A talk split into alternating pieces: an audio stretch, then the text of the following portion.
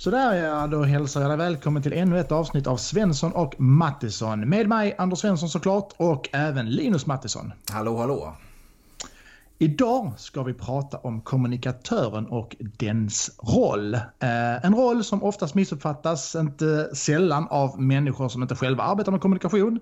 Eh, men det kanske är så att det är kommunikatörens eget fel att de här missförstånden har uppstått. Och kanske är det så att vi behöver lämna begrepp som kommunikation och kommunikatör helt och hållet. För att prata om de här sakerna idag så har vi därför bjudit in en gäst och det är Stefan Lundin. Du är kommunikationschef på företaget Geely Innovation Center. Varmt välkommen till Svensson och Mattisson. Tack så mycket. Tack så mycket. Du, Geely Innovation Center, eh, kanske inte alla lyssnare som vet vad det är för ett företag så eh, kan du lite kortfattat berätta vad, vad det är du och ni gör och var ni sitter någonstans. Ja, precis. Uh, Geely, om vi börjar där, är ju ett uh, kinesiskt grundat uh, företag i fordonsbranschen uh, som sedan 2010 äger Volvo Cars i, i, Sverige. Det känner de flesta till. Men som idag är ett väldigt stort globalt företag med 120 000 anställda. har förutom Volvo och Geely eh, varumärkena också London Taxi eh, som numera heter London Electrical Vehicle Company. Eh, Lotus, eh, sportbilsmärket och en del andra grejer inom portföljen. Eh, inte minst i Kina. Eh, och I Sverige så eh, jobbar vi med också att bygga eh, något som kallas för Geely Innovation Center som både är ett eh, ska man kalla det, en, en slags science park eh, och ett hem för alla Gilis eh, verksamheter i Sverige i princip som inte idag har egna byggnader. Det har varit en väldigt snabb utveckling eh, av många bolag som har tillkommit inom sfären där. Så jag jobbar både med Gili Innovation Center och som presschef och kommunikationschef för Gili-gruppens satsningar i Sverige. Det låter som ett väldigt omfattande jobb. Det, det kan man säga att det är, ja. Det är ingen dag som är den andra lik på något sätt. Mm. Spännande, spännande. Men vill du berätta lite, vem, vem är du då? Vad, vad har du mer för bakgrund så att säga? Ja. Uh, innan jag kom tillbaka in till Geely uh, så var jag anställd på Geelys uh, utvecklingsbolag i Sverige, SEFT, som kommunikationschef där i tre år. Byggde upp det varumärket med employer branding och branding och intern kommunikation, satte upp hela kommunikationsavdelningen där. Uh, jag var en period uh, på ett och ett halvt år ungefär som kommunikationschef på Göteborgs hamn under tiden det var som mest stökigt där med, med alla strejker.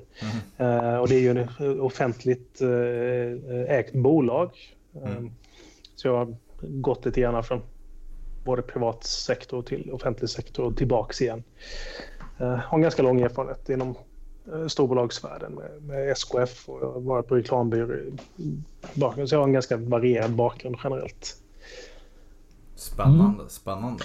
Och ska jag säga att anledningen till att varför du är inbjuden idag till podden, ja, förutom då att du är en väldigt eh, kompetent och erfaren kommunikatör givetvis, så är det ju även eh, för en debattartikel som du skrev förra året i Dagens Samhälle eh, som hade rubriken Vårt eget fel att det klankas på kommunikatören.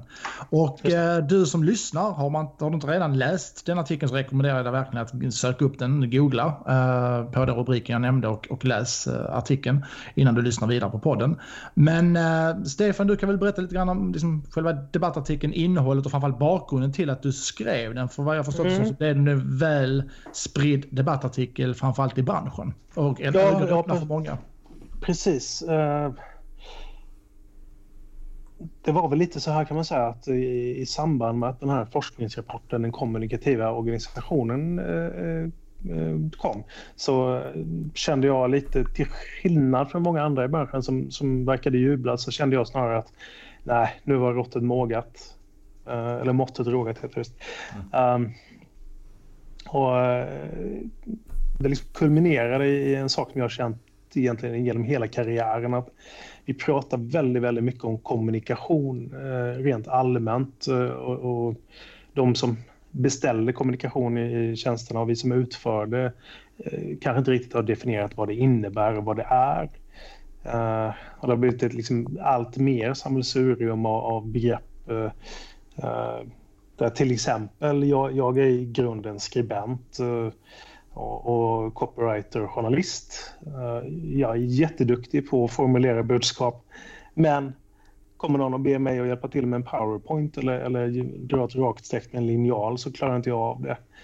Uh, har jag då titeln kommunikatör som smetas ut över allting så, så är det rätt vanligt att det är många som undrar, ja men kan inte du det du som är kommunikatör? Mm.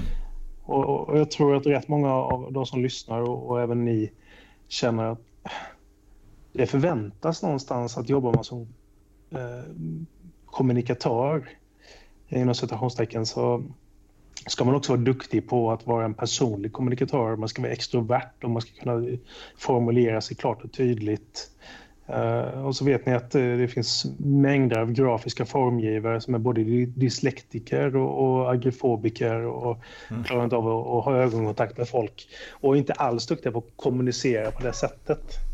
Nej. Så jag kände någonstans liksom, äh, men det, det, kommunikationsteori all ära och, och, och, en organisation som tar kommunikation på stort allvar. Det är jättebra, men det hjälper inte oss som yrkesutövare att vara kommunikatörer. Eh, som säger hantverkare och inte veta om man pratar om en målare eller en, eh, en golvläggare. Liksom. Mm. Nej, precis, precis. Ja, det blir ju också lite grann det här bakgrunden till varför man också svänger sig. Till exempel de här storkommunerna där man då oftast i media skriver om det. Ja men gud, de har, de har 70 kommunikatörer, de har 100 kommunikatörer eller vad det är. Ja. Uh, och så smetas de ihop till, till en och samma sak typ. Och så ser man bara kanske ja, men de kommunikatörerna som kanske syns mest utåt, ja men det är ju de kanske som mer har en marknadsföringstitel som jobbar med att liksom ta fram positiva stories och göra flashiga grejer och så vidare. Mm. Men bakom de fåtal personer så finns det ju ett helt hop av andra kommunikatörer som inte alls gör den saken. Men det har ju oftast blivit att man klumpar ihop det att jaha, titta där, nu har kommunen har liksom anställt 80 grindvakter typ som alla ska sminka grisen. Ja, men, eh, eh, exakt, och det, det är ju det som är eh, ytterligare en del i det här. Att kommunikatörer ses ju som en, en eh, ja, sminka grisen-människor. Medan verkligheten handlar om att det är väldigt många både projektledare och det är informatörer som jobbar med att ta fram viktig samhällsinformation som öppettider på biblioteket och, och mm. andra nyttiga tjänster som ska förmedlas ut till, till samhället. Eh, det är, det är egentligen det största problemet ur ett demokratiskt perspektiv kan jag tycka. Mm, mm. Mm. Ja precis, jag, jag har också den bilden. Eh, framförallt som sagt media som tror att att det är som 200 kommunikatörer sitter och skriver pressmeddelanden eller nyheter ja. till, till hemsidan. Liksom. Men det ja. Ju... Ja, eller, eller bara blocka journalister som, som ringer och försöker få information. Ja, li, lite så. Eh, och jag erkänner det. Jag hade själv, jag kom ju, jag var ju på den sidan förut tidigare också. Eller mm. tidigare så att säga. Jag har gått över till, till kommunikationssidan. Och eh, ja, det är kanske lite den bilden man hade liksom. Att det överdimensionerade eh, kommunikationsavdelningar och sådär. Men eh, det är som ni säger precis. Det är ju betydligt fler, fler roller. Eh, till, för, till, speciellt inom liksom, offentlig sektor. För att ja. göra bättre, bättre vardag helt enkelt för, för, för medborgarna. Precis.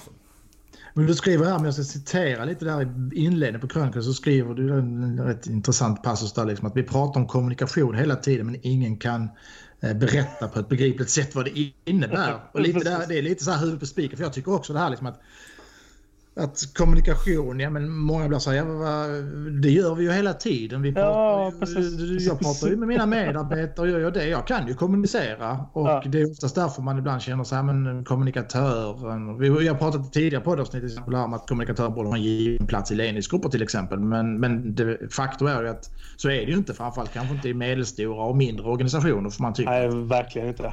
Nej, det här med kommunikation kan man ju. Ja. För vadå? Vi kommunicerar hela tiden. Precis. Men, äh...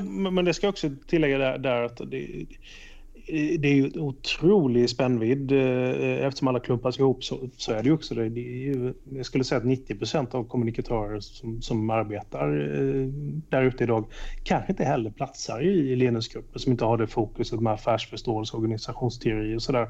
Så det, det är också en liten otjänst vi gör alla de som faktiskt är ska säga, strategiska kommunikatörer eller, eller företagsledarmaterial om man ska säga så.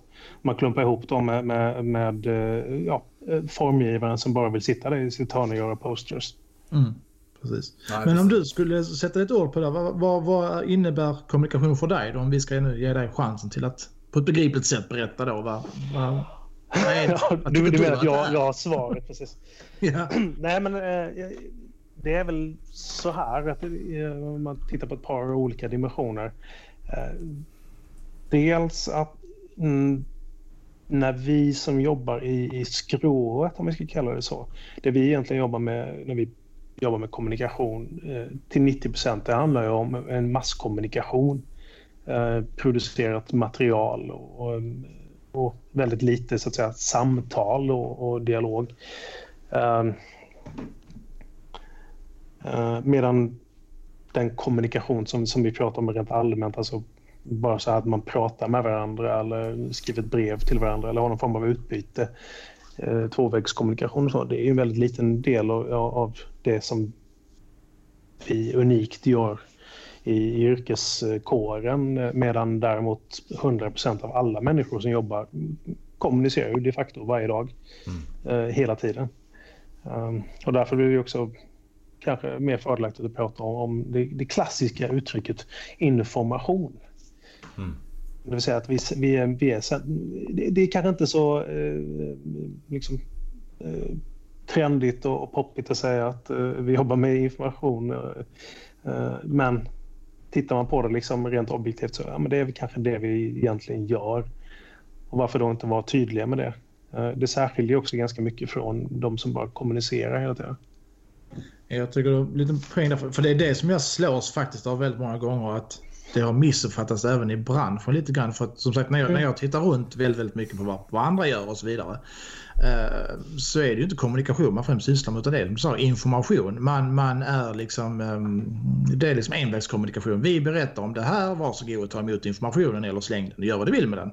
Men man inbjuder inte till något samtal direkt eller någon dialog och så vidare. Alltså vi är väldigt få företag och även offentlig sektor gör ju detta. Utan man, man, man liksom lägger ju bara ut massa nyheter, evenemang, event eller så berättar man något annat kul som har hänt. Men det är ju inte kommunikation, för kommunikation kräver ju liksom eh, det är flervägskommunikation där, där, där jag som, som tar fram ett material är bara en spelare av det. det. Nu har jag tagit fram och lägger ut den här filmen. Men för att det här ska bli bra så kräver det att jag får liksom input från den, dig och dig och dig och dig. Så att vi liksom är flera som pratar om det. Men så ser det mm. inte ut ju.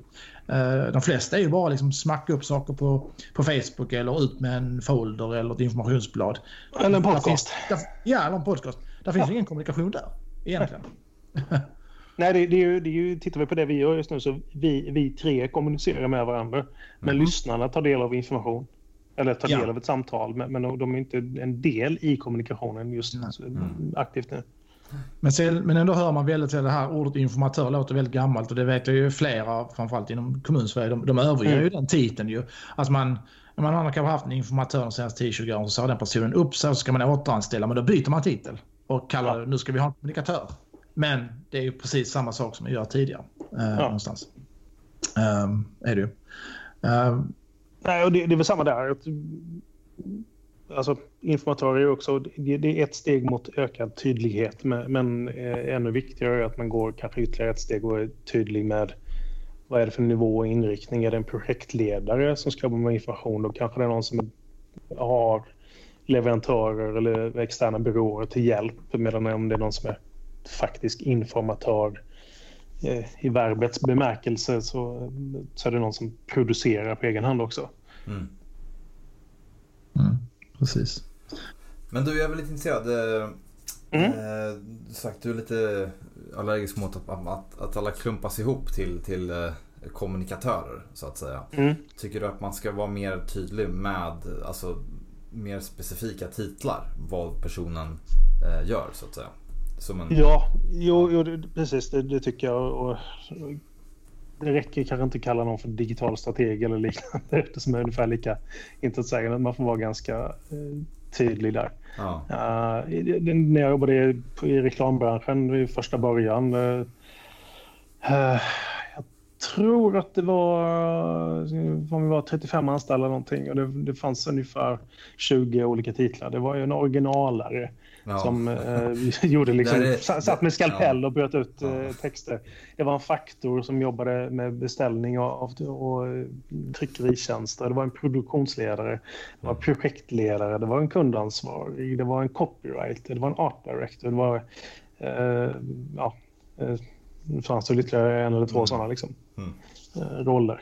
Det är åt andra hållet nästan. Ja, precis. Ja, det, det, är fel det också kan, kan man tycka när det, liksom det är så extremt specialiserat. Det är ju kanske inte ekonomiskt hållbart uh, att kunna, eller, kunna vara så specialiserad. Mm. Uh, för det var en väldigt stor organisation. Men om vi tittar på liksom en, en rätt så vanlig liksom, kommunikationsorganisation i ett, ja men det, det kan ju vara allt från ett medelstort till stort företag och så vidare. Men vilka mm. typer av så här, arbetsrollsbeskrivningar ser du att man kan byta? Alltså, vill, ja, men om vi, så vi tar bort ordet kommunikatör, finns inte. Vad kan vi ersätta det med istället? Har du liksom, alltså, exempel på det? Du har ju nämnt lite sådär, men informatör och så vidare. Men har du liksom fler som du ser att uh, det här skulle det kunna heta istället? Uh. Eh, ja, jag håller just nu på och ska rekrytera in eller, eller låna in i alla fall på konsultbasis en, en, eh, en eh, kompetens i, i mitt nuvarande team. Där jag ganska tydligt ser att den personen kommer få heta producent. Ehm, med, med vinkning till alltså filmproducerande.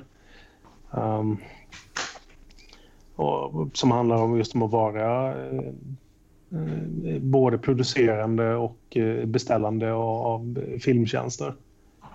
Um, men jag tror man kan, man kan styra upp det där ytterligare något. Mm. Um, det är väl det som ibland kanske heter content manager har jag sett ibland. Det är väl ja, ungefär precis. precis.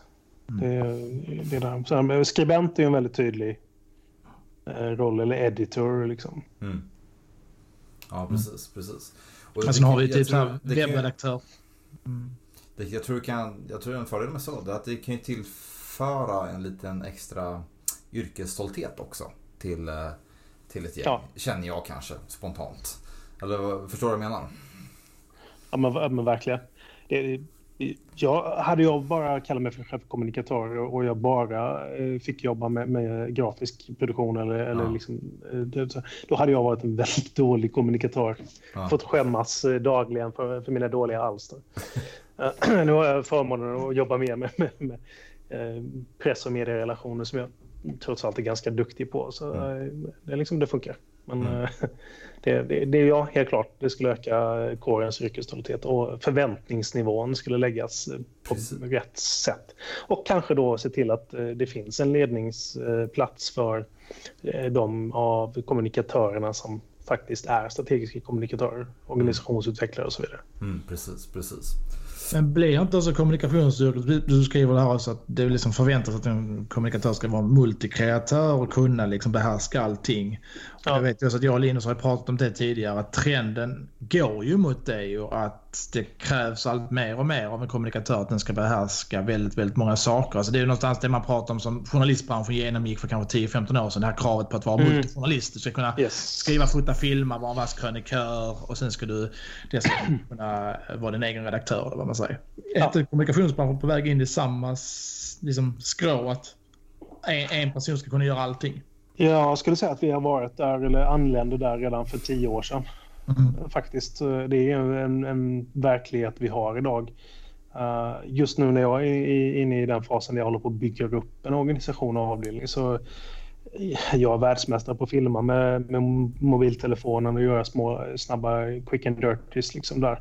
Skillnaden är bara att vi som blir den här typen av multikonstnärer, vi blir ju heller kanske inte riktigt supervass på någonting. Det är väl den största risken. Nej, så precis, precis. För kan det vara det också som gör att man har satt där epitetets kommunikatör just för att de här så att säga, man säger producent, webbredaktör, skribent, informatör, att de faktiskt har klumpats ihop till en och samma person. Och vad ska vi kalla den då? Är det att bli ett samlingsnamn, kommunikatör då? För att vi, mm. för att vi kan inte kalla dig för informatör för att det är inte bara det du gör. Jo, det, det, det är en av grejerna du gör, men du ska göra det andra också. Alltså, typ. ja, men, ja, men så är det. Så det. är väl en kombination av, av snålhet och okunskap från de som är rekryterare skulle jag nästan säga. Det är ju tyvärr väldigt sällan, eller allt för sällan som det är människor med erfarenhet från ja, kommunikatörsyrket som, som rekryterar in eh, kommunikatörer. Så de har ju oftast en, en, kanske en viss idealiserad bild av vad en kommunikatör skulle klara och kunna. Uh, och då också rekrytera in de här uh, eh, 22-åriga multikonstnärerna Mm. Du Linus, du har ju också haft titeln precis som jag har digital kommunikatör tidigare och jag vet inte om du delar den här upplevelsen men, men det är en personlig reflektion jag har i alla fall. Det jag har märkt i min tjänst, just att jag heter digital kommunikatör så klumpas jag ihop med IT och med digitalisering och allt sånt. Så allting som rör sådana saker. Alltså, när folk får fel på sina datorer och sånt så hör de av sig till mig jättemycket. Ja. Och så fort det, har, det kommer liksom något, något mail om någon digitalisering, ja men så får jag liksom ett vidarebefordrat. Ja men det här kan intressera dig. Det är inte alls vad jag sysslar med. Digitalisering är inte mitt bord och IT. Jag kan ingenting om datorer. Jag är helt oteknisk. Jag liksom, så fort datorn börjar lagga så blir jag ju tokig och går liksom ner till IT med den. Fixa det, det ska bara funka. Ja. Jag kan ingenting om någonting. Men för många som inte har, förstår liksom vad jag gör tror ju verkligen att jag kan det. Men du sitter väl på IT och jobbar? Du är en sån här datakille. Nej, det är jag inte alls det. Mm. Jag är liksom kommunikatör i digitala kanaler. Så det har jag märkt att det lilla epitetet har ställt till väldigt mycket problem i alla fall. Men har du samma Linus eftersom du har haft samma titel? Ja, absolut. Absolut. Jag känner verkligen igen det. Och inte bara på jobbet, det kan ju vara hemma hos svärmor. Liksom till exempel hjälp att fixa bredbandet. Förstår du vad jag menar? Mm. Ja, ja, oh ja. så det, det får jag så privat. Ja, nej men skämt åsido. Men det är, jag, jag, känner verkligen igen den, den beskrivningen. Liksom. Eh, och, och, som säger, jag jobbar ju mycket med, med, med, film och så. Och eh, rörligt innehåll. Det sätter man inte i likhetstecken också med. Att man ska vara, då är man superteknisk med allting annat också. Så att säga. så det, nej, jag, jag, jag känner igen det. Eh, verkligen. För det är också lite det som du pratar om Stefan nu. Det är det här liksom, förväntan och så vidare. Att det, det, där har du ett konkret exempel ja. på ja. det blir missuppfattning hos väldigt, väldigt många internt på ja, vad den personen faktiskt gör. Man ja, men, men, verkligen. Det, nu är det ju så givetvis i många yrken eh, generellt. Men, men eh, mm. just med tanke på att vi på något sätt eh, ska, ska vara duktiga på att kommunicera så blir det nästan lyteskomik över att vi inte riktigt klarar av att förmedla vad vi, vad vi själva jobbar med.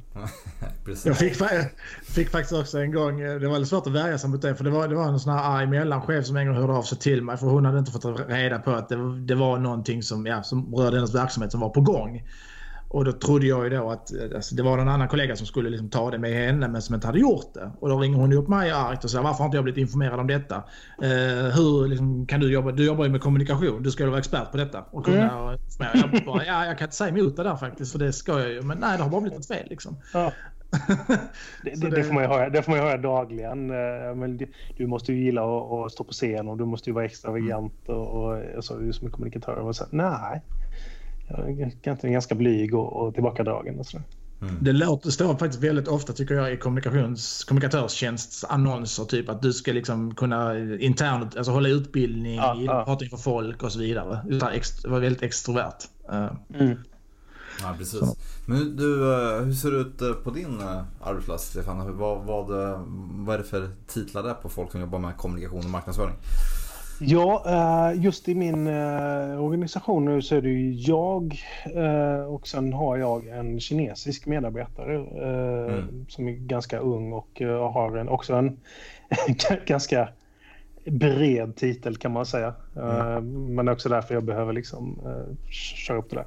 Men när jag byggde upp SEFTs avdelning där, ett av bolagen där, så blev det ju att jag behövde få in en intern kommunikatör. Mm. Uh, en pressansvarig uh, slash sociala medier. Det ligger ändå rätt så nära varandra.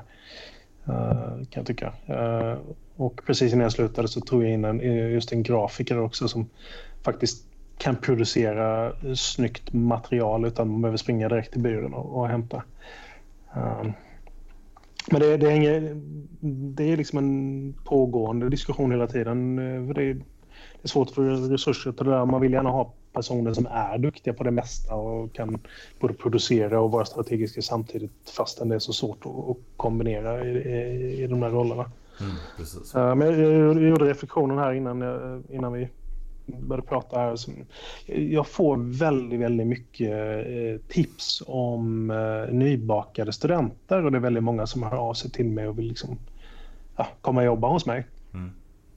Uh, problemet, bara, bara för att du har läst kommunikationsvetenskap på, på högskola eller universitet så kan du ju i princip fortfarande inte liksom bara stoppas rätt in i en organisation för du, mm. du har ingen erfarenhet av, av liksom, digital asset management eh, eller eh, versionshantering och hur man arbetar effektivt. Eh, ehm, arbetsrätt och alla sådana här tekniska saker som, som faktiskt det går ut på när du jobbar i en, i en stor organisation som alla behöver ha koll på. Mm. Uh, så därför är det lite så här, det är svårt att ta in någon som är nyexad i en liten organisation för det krävs nästan att det är något större företag eller organisation där du kan stoppa in någon som kan lära sig liksom hantverket och sen har du liksom någonstans en teoretisk bas att stå på för det allmänna liksom känslan och medvetandenivån om, om kommunikation. Mm. Nej, precis. Uh, precis. Jag vet inte vad ni säger. Jo, faktiskt. Eh, för att jag är ju framförallt just nu i detta, denna stund så är jag föräldraledig här några, några månader framöver. Mm. Jag var ju med i rekryteringsprocessen av, av min vikarie och, det, mm, och varit med i andra rekryteringsprocesser också när man har sökt kommunikatör på andra förvaltningar och så vidare.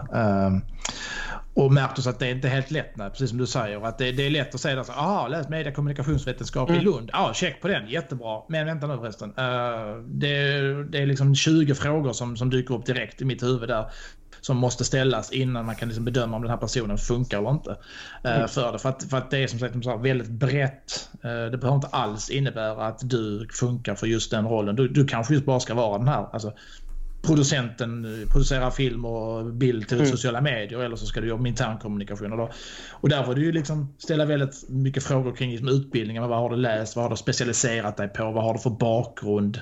Kan Exakt. du hantera mobilkamera alltså, och så vidare.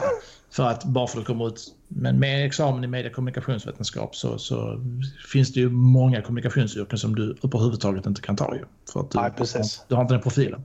Jag gjorde en, en eh, föreläsning för Sveriges Kommunikatörer för eh, ett tag sedan när jag pratade lite igenom min syn på just det här med eh, strategisk improvisation kallas det väl eh, nu för tiden. Men det, det finns ju en, en, viss syn hos oss själva på den här, liksom att vi är Napoleon som eh, lägger upp stora strategiska planer och man har tid på sig att, att göra en, bygga en plattform och, och, och liksom allting tajmat och klart in i minsta detalj för att sen kunna eh, gå ut och exekvera ett halvår senare. Det är bara att i verkligheten så, så när den planen är gjord så har ju allting redan hunnit passera. Alltså man, man är mer en, en tennisspelare som behöver vara skicklig på att ta saker och ting på studs och, och veta var man ska placera liksom bollen på andra sidan bollplanen. Då är man strategisk. Liksom. Mm. Ja, för det är det som min och Linus spaning har haft tidigare, framförallt i offentlig sektor, just att man planerar ihjäl sig någonstans. Att man, mm. man planerar så mycket så att man, man, man liksom det operativa sker aldrig, utan man, man bara är strategisk hela tiden. Och så, så planerar man för någonting och sen oj, så nu har det ändrat sig. Då måste vi planera om. Och sen bara liksom planering på planering på planering, men ingenting verkställs för att man hinner inte för att det hinner liksom spelplanen ritas om ja. dess. Mm. Uh, Precis. Det, det, kan man säga som en, eh, en rätt intressant iakttagelse eh, att jobba eh, tillsammans med kineser, eller rätt sagt för kineser. Där är det ju en sånt otroligt tempo och utveckling. Och jag har fått lära mig ganska mycket just att agera och sen vara iterativ och förfina och bygga under tiden man jobbar. Uh, sitter man och väntar på liksom, och ska göra den här perfekta planen innan man kommer igång, då har de liksom redan sprungit iväg eh, i 120 knyck. Uh, det, det, ser man ganska mycket i den där, liksom, globala uh, världen. Det finns en anledning till att eh, Kina är så på starkt framtåg för de är verkligen liksom, orädda, är beredda att ta risker. Ehm, blir det lite fel emellanåt så är det okej, okay, liksom, det går alltid att rätta till det är inte hela världen. Det, är en attityd som, som jag kanske tycker att vi generellt sett borde ha lite mer som, ja, som kommunikatörer i, i branschen också. Att våga, liksom, våga göra fel. Mm, verkligen. Jag brukar säga att det bästa av kommunikationen är ju den som inte är planerad. Den som bara sker liksom på uppstuds från, liksom, alltså, från idé vid ja. fikat på förmiddagen till liksom verkställd efter lunch. Och sen så det, det är den som blir bäst oftast. Ja. Ja, eller till och med bara att den bästa kommunikationen är den som sker, punkt.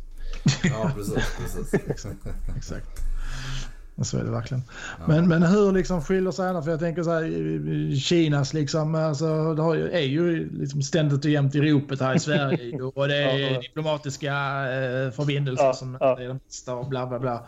Uh, och vi ska inte liksom grotta in oss i det, men, men, men hur skulle du säga liksom att hur... Hur... Kulturen, du har ju beskrivit den lite grann, men kan du liksom ja. berätta ytterligare? Alltså, just det här kring kommunikation och ja, eh, vad man ser för framtidsspan.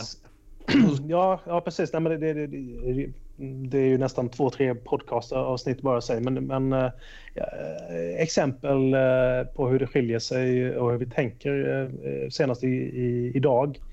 Um, i, I det här Yield Innovation Center så kommer vi erbjuda eh, konferensmöjligheter för externa parter och för en del av hyresgästerna som är där som kan hyra, hyra in sig i ett jättefint auditorium vi har byggt. Eh, och i fredag så pratade vi eh, med de som, som håller, kommer hålla i det administrativa där, hur man ska göra med bokningsförfarande och annat. Eh, och så frågade de, men hur, hur långt i förväg får man boka? Eh, ett halvår kanske? Så, ja, det kan vi väl tycka är rimligt. Vi kan börja med det. Och i morse när jag kom till jobbet så, så ligger det ett mejl och väntar på mig där. Är det okej okay om vi kan boka eh, den här förfrågan till 3 december? Mm. Jag bara så här, men kära någon. Det var ju nyss.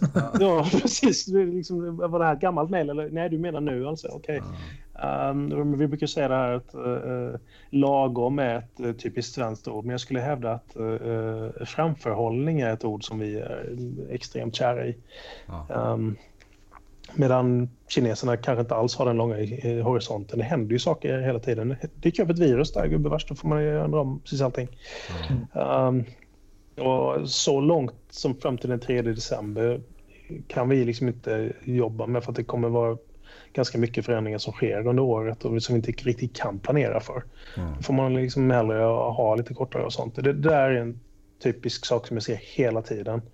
Uh, min fru jobbar i, i uh, offentlig sektor också och det är samma där. Hon kommer ofta med liksom, men, kan vi boka uh, där eller är du upptagen vecka 48 eller någonting sånt. Och, och, jag bara sitter där. Äh, jag, jag är helt blank i kalendern från och med två veckor framåt.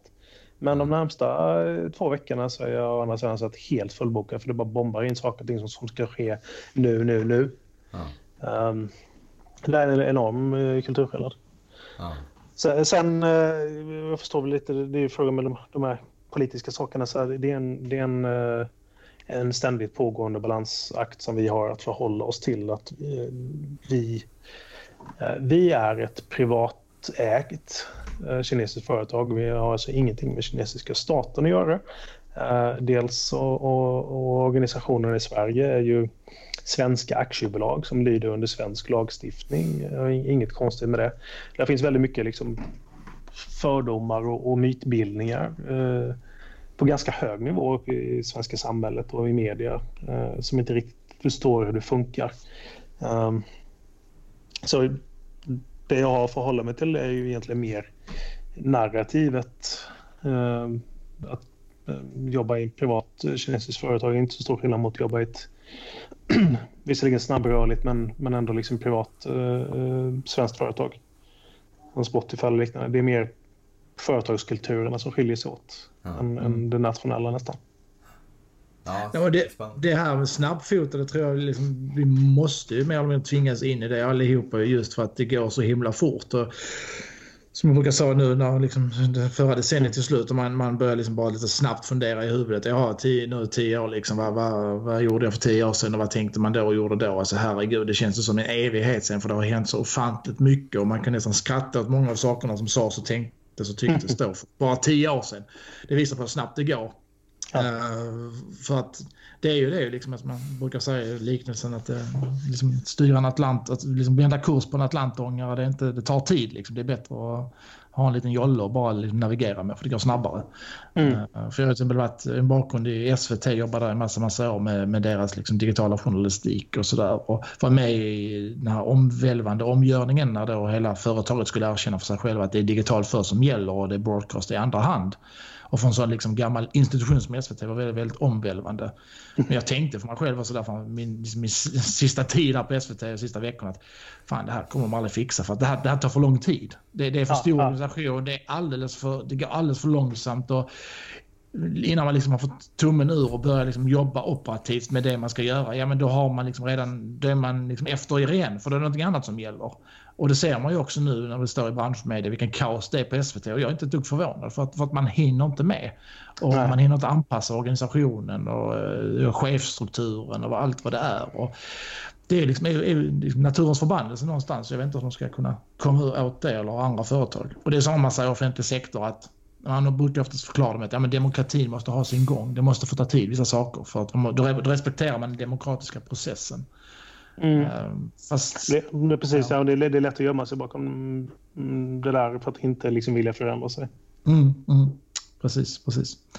Men du, kopplat till det här där man säger, um, den liksom så missuppfattning och, och oftast en här, kritik som kommunikatörer möter av folk som inte jobbar som kommunikatörer själva. Det kan vara journalister eller, eller bara allmänheten. Ja. Eh, tror du också att den är sprungen lite grann att, att alltså, så här, det, det, det som bottnar i det här är ju just att man har valt att slå sig med begrepp som kommunikatör och kommunikation. Just att man, man målar med för bred pensel. Och det bidrar till de här missuppfattningarna som finns. Jag vet inte det. Det är lite svårt faktiskt. Eh, dels tror jag att det finns en rätt så stor risk att eh, det är väldigt många gamla journalister som har gått över och blivit eh, kommunikatörer som, som bekant. Uh, så är det ju verkligen. Ja, och jag tror att menar, journalistyrket och skro att det är ändå en väldigt specifik yrkeskategori med väldigt stort, jag vet inte vad man ska kalla det, uh, yrkespatos kanske. Um, integritet väldigt mycket. Ja, integritet och, och, och, och, riktlinjer, hur man ska förhålla sig till saker och ting och sådär. Um, jag, jag, tror att det är väldigt många som stöter på före detta journalister i rollen som kommunikatörer får en annan upplevelse av kommunikatörer än den som kommer ursprungligen från Konstfack till exempel. Eh, eller har varit projektledare på en IT-företag eller eh, vad som och sadlar om. Liksom. Um, och I takt med att det har blivit fler och fler journalister så tror jag att det, det kanske har uppstått någon liten sån clash eller eh, missförstånd fler, fler mellan... mellan liksom, ja. ja. Precis, precis. Men vad blev reaktionerna på den här, här debattartikeln du skrev? Eller vad, vad har liksom blivit har du sett liksom någon effekt? Ah, lite blandat. Ja. Eh, primärt så trodde jag att jag skulle få huvudet avbitet i sociala medier. Och, så, men jag ja. fick ju ganska mycket medhåll. Uh, sen är det ju en, också en hel del som kanske fallit för myten om sig själva som just angående kommunikatörer som eh, utan att tveka kan säga att nej, men jag, jag kan allt. Eh, och som kommunikatör, kommunikatör så måste man eh, kunna filma, skriva, rita, eh, eh hålla föredrag, utbilda och eh, vara HR-chef ungefär. Mm. Um, och eh, kanske också duktiga på att slänga sig med teoretiska begrepp och, och, fastna liksom i, i just den här kommunikativa organisationen, diskussionen snarare än, än yrkesrollen för alla de som, som jobbar liksom uh, hands-on dagligen. Um, så där jag upplevde, så lite så, jag upplevde att det blev liksom lite, lite splittrat där som det kanske gärna blir i, i sådana här frågor när man sticker ut hakan lite. Um, men, men fler än jag vågade hoppas på som uh, höll med liksom, eller tyckte det var bra.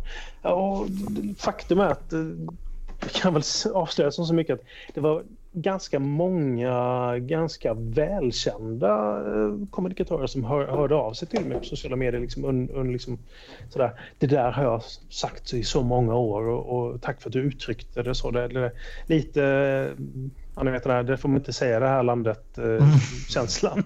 Eh, mm. mm. vilket var lite intressant också. Mm. Uh, just eftersom vi som skrå kanske har varit ganska duktiga på att uh, odla den här myten att nej men minsann, vi, vi är kommunikatörer, vi, vi är inte bara, bara informatörer. Mm.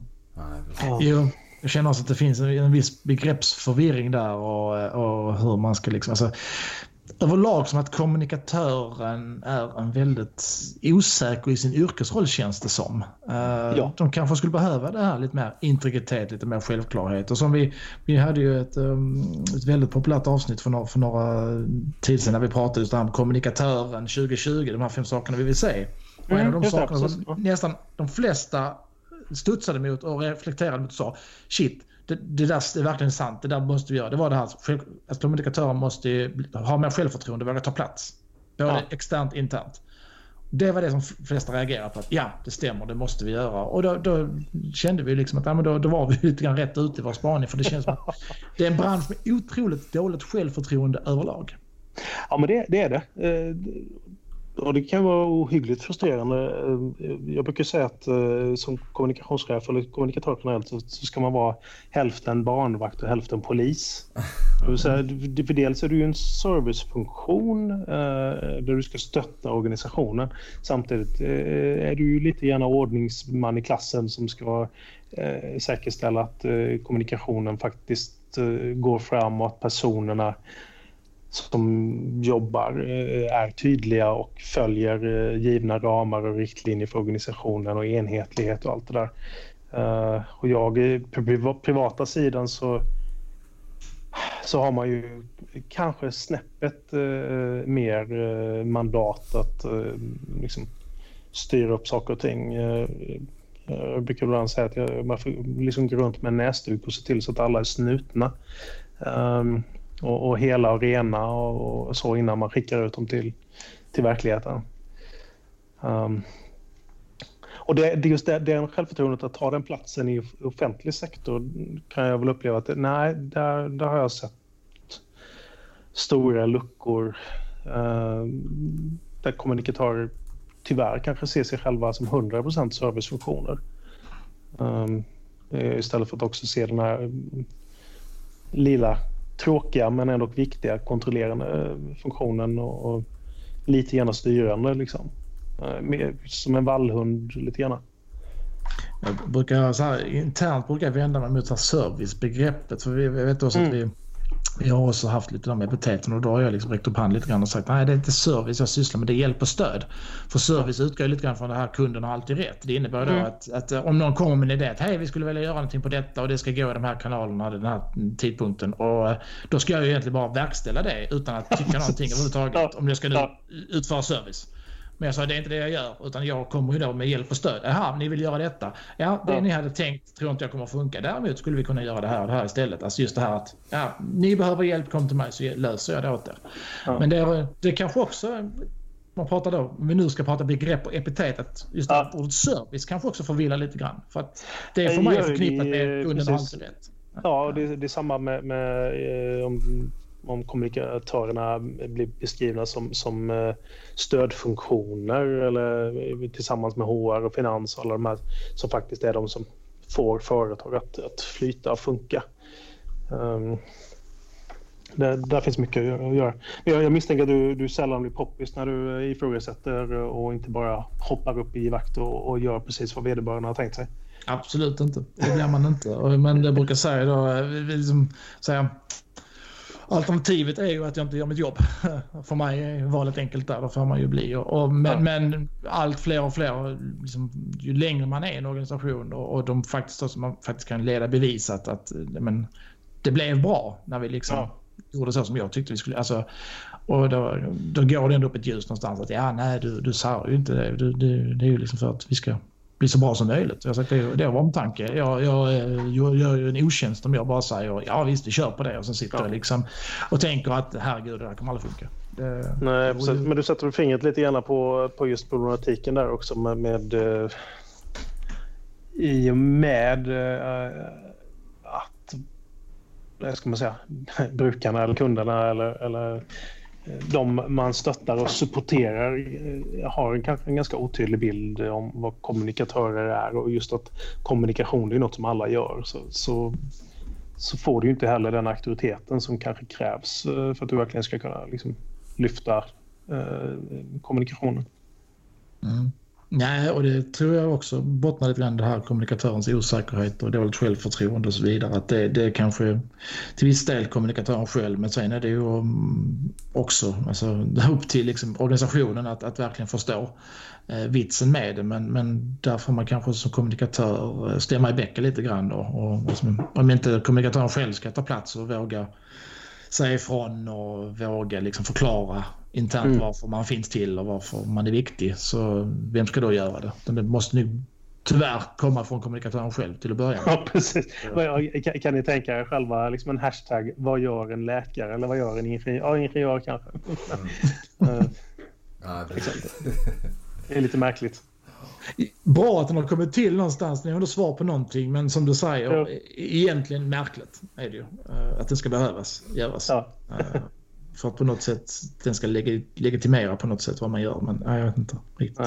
Ja, vad, vad, vad, tror ni liksom är... Eh, jag har ju varit ganska tydlig med, med vad, jag, vad jag tycker och sticker ut hakan lite. Så vad, vad liksom, ni, ni har ju ni har ju verkligen grottat ner i de här frågorna mycket, mycket mer än vad jag har gjort och pratat med många mer sm smartare människor än mig. Uh, vad var liksom... Uh... Ja, nu är du...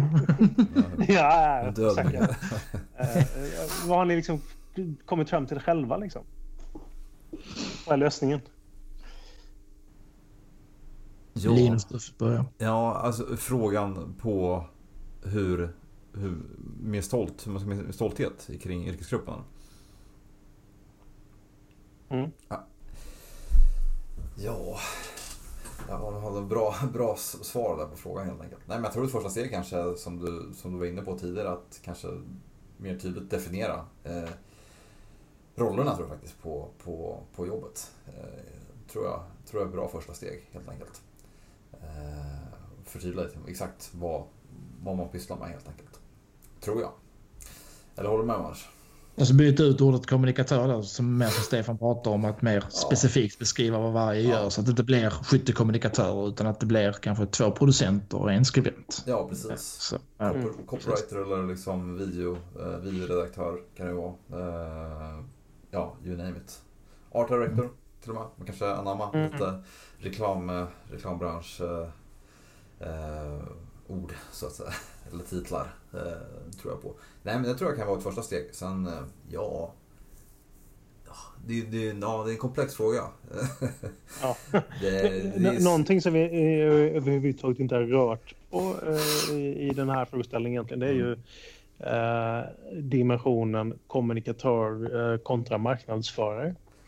Ja, eh, det har vi pratat Som är liksom i, ja. speciellt i eh, privata sektorn så är ju marknadsförare egentligen lika, eller marknadskommunikatör nästan lika generiskt som, som kommunikatör. Ja. Det kan vara ja, roll. Så. Ja, det, jag, jag, tycker, jag, jag, jag själv har ju faktiskt titeln marknadsförare i dagsläget. Okej. Okay. Ja. Digital marknadsförare? Till nej, nej, det är marknadsförare. Ja. Så, och jag är, jag är väl lite, lite känslig för det. Jag skulle nog kanske ha en annan titel. Men det är den titeln jag har mm. liksom. Jag får lite mm. här, jag brukar säga det, jag får lite vibbar av att typ var jag var så inkastare på en restaurang i typ på Koss. Fattar du vad jag menar? Eller de här, uh, som delar ut uh, ja, vet, lappar. Kom och typ till, till festen ikväll. Lite sådana vibbar får jag. Så jag skulle, skulle vilja ha en annan, annan typ av roll. Sen jobbar jag mest med rörligt, rörligt innehåll. Så någon typ video, videoredaktörs titel kanske. Någonting sånt. Ja, Men oavsett, oavsett, oavsett, så tycker jag marknads... Alltså det, det är lite förlegat tycker jag. Eh, marknadsförare. Mm. Eh, då, är ju, då är ju kommunikatör bättre liksom ändå. Tycker jag.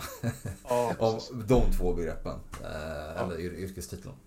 Jag brukar säga liksom att det, problemet är ju bara det att, att, vi ska syssla med kommunikation men vi sysslar med marknadsföring istället. Och, och, det funkar ju bevisligen inte speciellt bra. Utan jag vill ju mer tillbaka till just det här att både sluta mm. och eh, sluta mm. prata marknadsföring och utföra inte marknadsföring utan börja prata kommunikation och börja då kommunicera på riktigt. Om ni nu ska vara en kommunikatör då ska ni alltså kommunicera och inte informera. Mm.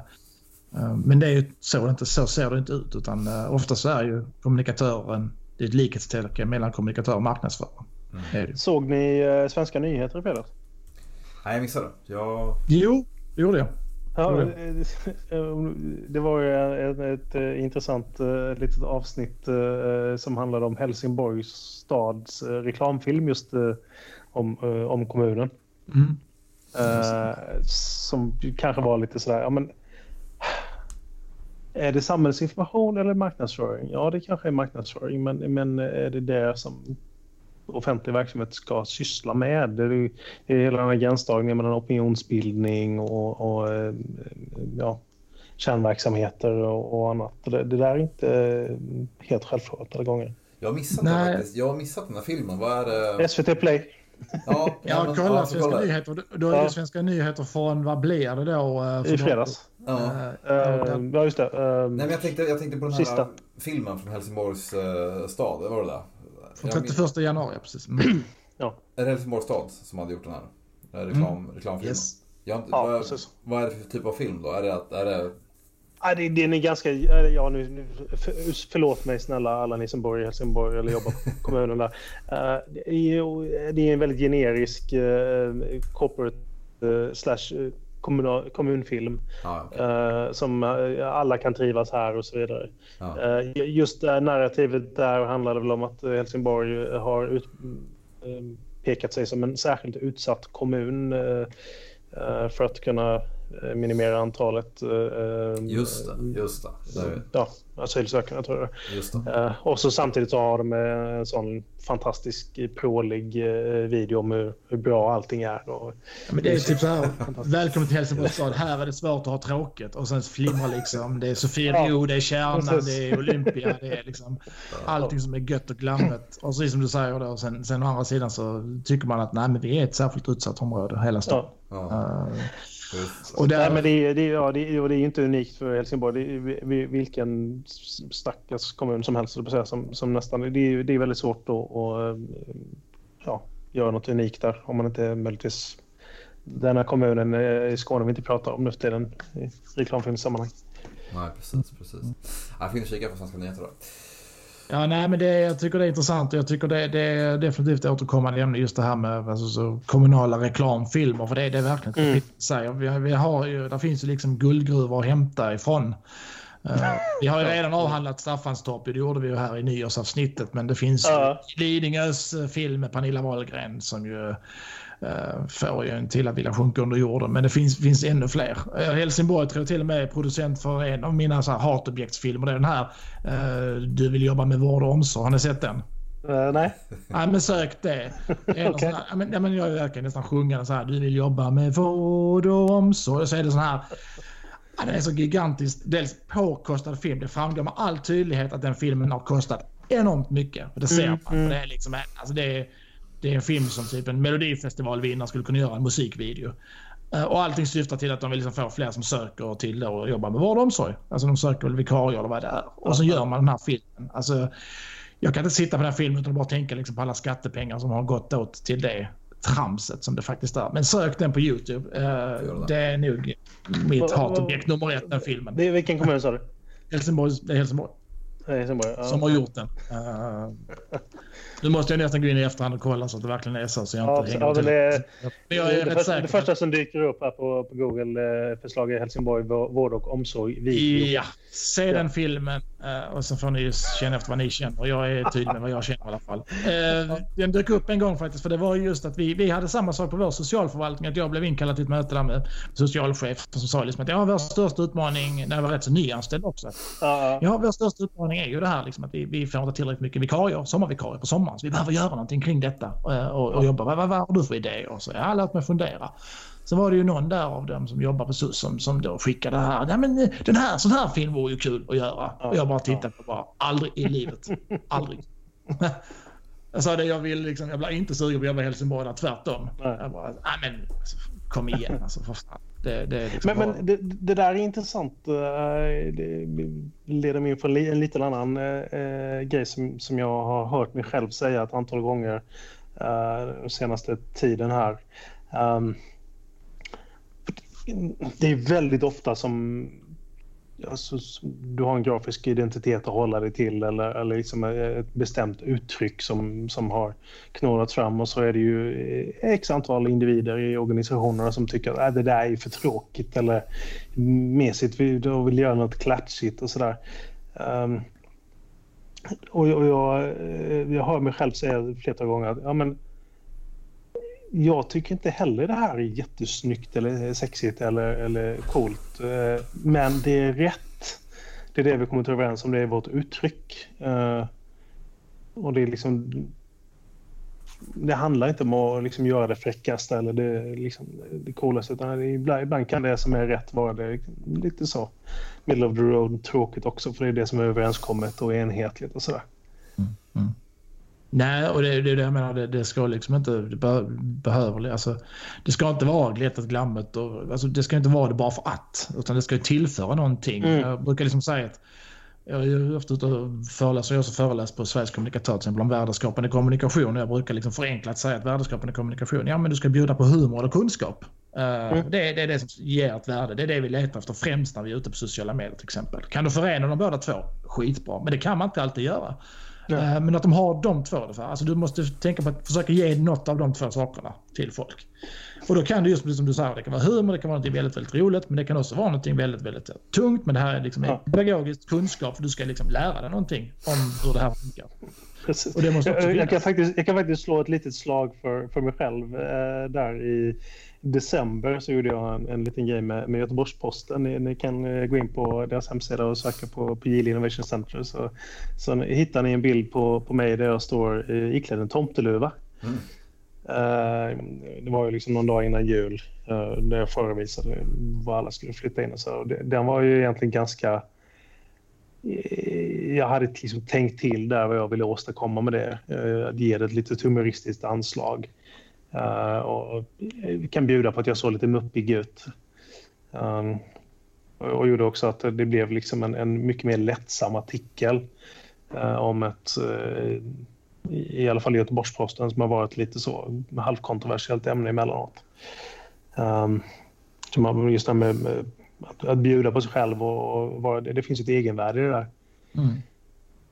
Precis, precis. Nej, och det vill jag säga till, jag tror jag mig veta att vi har faktiskt lyssnare som jobbar på, på Helsingborgs stad och är det så att de känner sig liksom eh, kränkta eller vad det nu annat är och så, så ska de inte göra det. För jag tycker att det är det någonting som vi kommunikationsbranschen måste bli bättre på så är det faktiskt att dels kunna, kunna lyfta upp det bra och dåliga exempel och kunna mm. kalla en spade för en spade och vara lite kritiska mot varandra lika mycket som vi ska kunna berömma och hylla varandra. Men jag tycker oftast att det är oftast bara det ena, att man, man liksom hyllar och applåderar vilka stolligheter som helst oftast. Mm. Eh, det är väldigt, väldigt lite konstruktiv kritik i branschen tycker jag och det måste vi bli bättre på. Ja men verkligen. Uh, och faktiskt säga att nej det där var inte speciellt bra och det här går faktiskt då, det här måste vi liksom skratta lite åt för att det där är så, så dåligt så att det finns.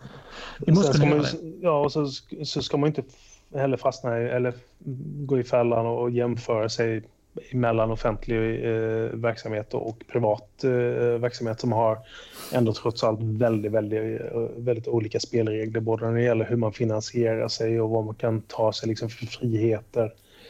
Uh, uh, och, och, även, jag, jag brukar säga det, det är som det här med Volvo Trucks och det Epic Split till exempel.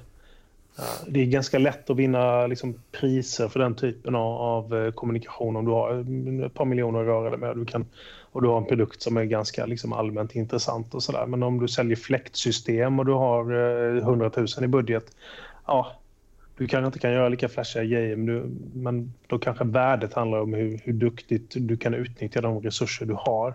Och detsamma gäller för, för många eh, små kommuner till exempel, eh, som kanske bara har en eller två kommunikatörer totalt. Ehm, det är också någon, någon slags värdemätare, liksom hur, hur, duktig man är på att trolla med knäna kan jag tycka i, i, i skrået. Jag brukar ju bara, säga, bara titta på typ Oatly, alltså havremjölk. Ja, ja, ja, Finns precis. det något mer osexigt, men titta vad de faktiskt gör med det. Sen kan man ju alltid, man behöver inte hålla med dem i någonting, men, men titta liksom i sak vad de faktiskt gör. Och hur de förvandlar den här havremjölken till någonting den kanske det inte är. Alltså, det finns ju få saker som är osexiga. Det är ungefär som du sa, fläktsystem. Mm. Alltså, ungefär mm. samma. Men det går att göra det. Ja, precis. Uppenbarligen. Ja, nej men du, superspännande det här tycker jag. Mm. och uh, Linus, du har inte någon, någon fråga du sitter på och fnular på? Nej, jag känner att jag blivit, uh, fått väldigt bra, bra, bra inblick i, i, i hur vi kan, vad ska man säga, tänka om lite här nu kring, kring begreppet kommunikation och kommunikatören. Så jag, jag känner mig väldigt nöjd. Ja, nej, det här går att prata om hur många som helst och som sagt, vi har ju hamnat in på ett par sidospår, vilket jag tycker är, är härligt uh, att vi gör. Men du Stefan, om man vill följa liksom dig och, och ditt arbete, var, vart ska man vända sig då? Då ska man ju lämpligast eh, vända sig på, på LinkedIn skulle jag säga. Uh, jag finns på Facebook men där hittar man nästan bara bilder på mina barn och, och, och uh, strandbilder och sånt käckt. Så att LinkedIn skulle jag definitivt säga. Absolut. Ja, men det är bra. Det, det kan jag alltså rekommendera. För där, där är du väldigt aktiv och, och väldigt liksom också ja, kontaktbar. Ja. ja, det är ju den, den största kanalen som, som jag jobbar med personligen. Eh, det kan man också ha en eh, sidospår kring när det gäller effektivitet i, eh, säga, personliga konton kontra företag och organisationskonton och sånt där. Så jag, jag jobbar nästan mer med mitt personliga konto än vad jag gör med, med företagskontona. Mm. Och din krönika på dag, Dagens Samhälle får man så gärna gå in och lyssna på. Vi, vi lägger den i, i beskrivningen här in till podden, mm. tänker jag. Så att folk kan klicka sig in ja. och läsa om man inte redan har gjort det. Så man vet jag, jag, jag, är inspirerad att skriva en, en uppföljare nu känner jag. Så, ja, det tycker jag. Stort tack för det. Det får du göra. Det får du göra. Och eh, som sagt, folk får jättegärna såklart eh, skriva in till oss, eh, där och mig Linus, och ha synpunkter eller frågor eller tips på, på ämnen, gäster och så vidare. Och då är det svenssonmattisson.hotmail.com. Yes, och eh, vi finns på Facebook också, det är Svensson och Mattisson. Om man vill följa oss där och få alla avsnitten i sitt flöde och även kunna kommentera lite annat om man vill det. Stämmer bra. Underbart. Då ska jag titta på uh, musikvideon Du borde ha en vård och omsorg på YouTube här. Ja, och jag ska kolla i SVT Play, Svenska nyheter från fredags. Just det. Det är bra ni ger Helsingborg lite views. Det är bra. Ja. Men du, stort tack Stefan. Ja, stort tack. För, stort tack. tack för att jag fick vara med. Jättekul. Ett härligt samtal. Och uh, Linus, vi är tillbaka igen med ett nytt avsnitt om onsdag om två veckor. Det stämmer bra det. Ha det bra ja. alla. Detsamma. Hej då. Stefan, ha det bra. Hej då. Hej då. Ja, hej då.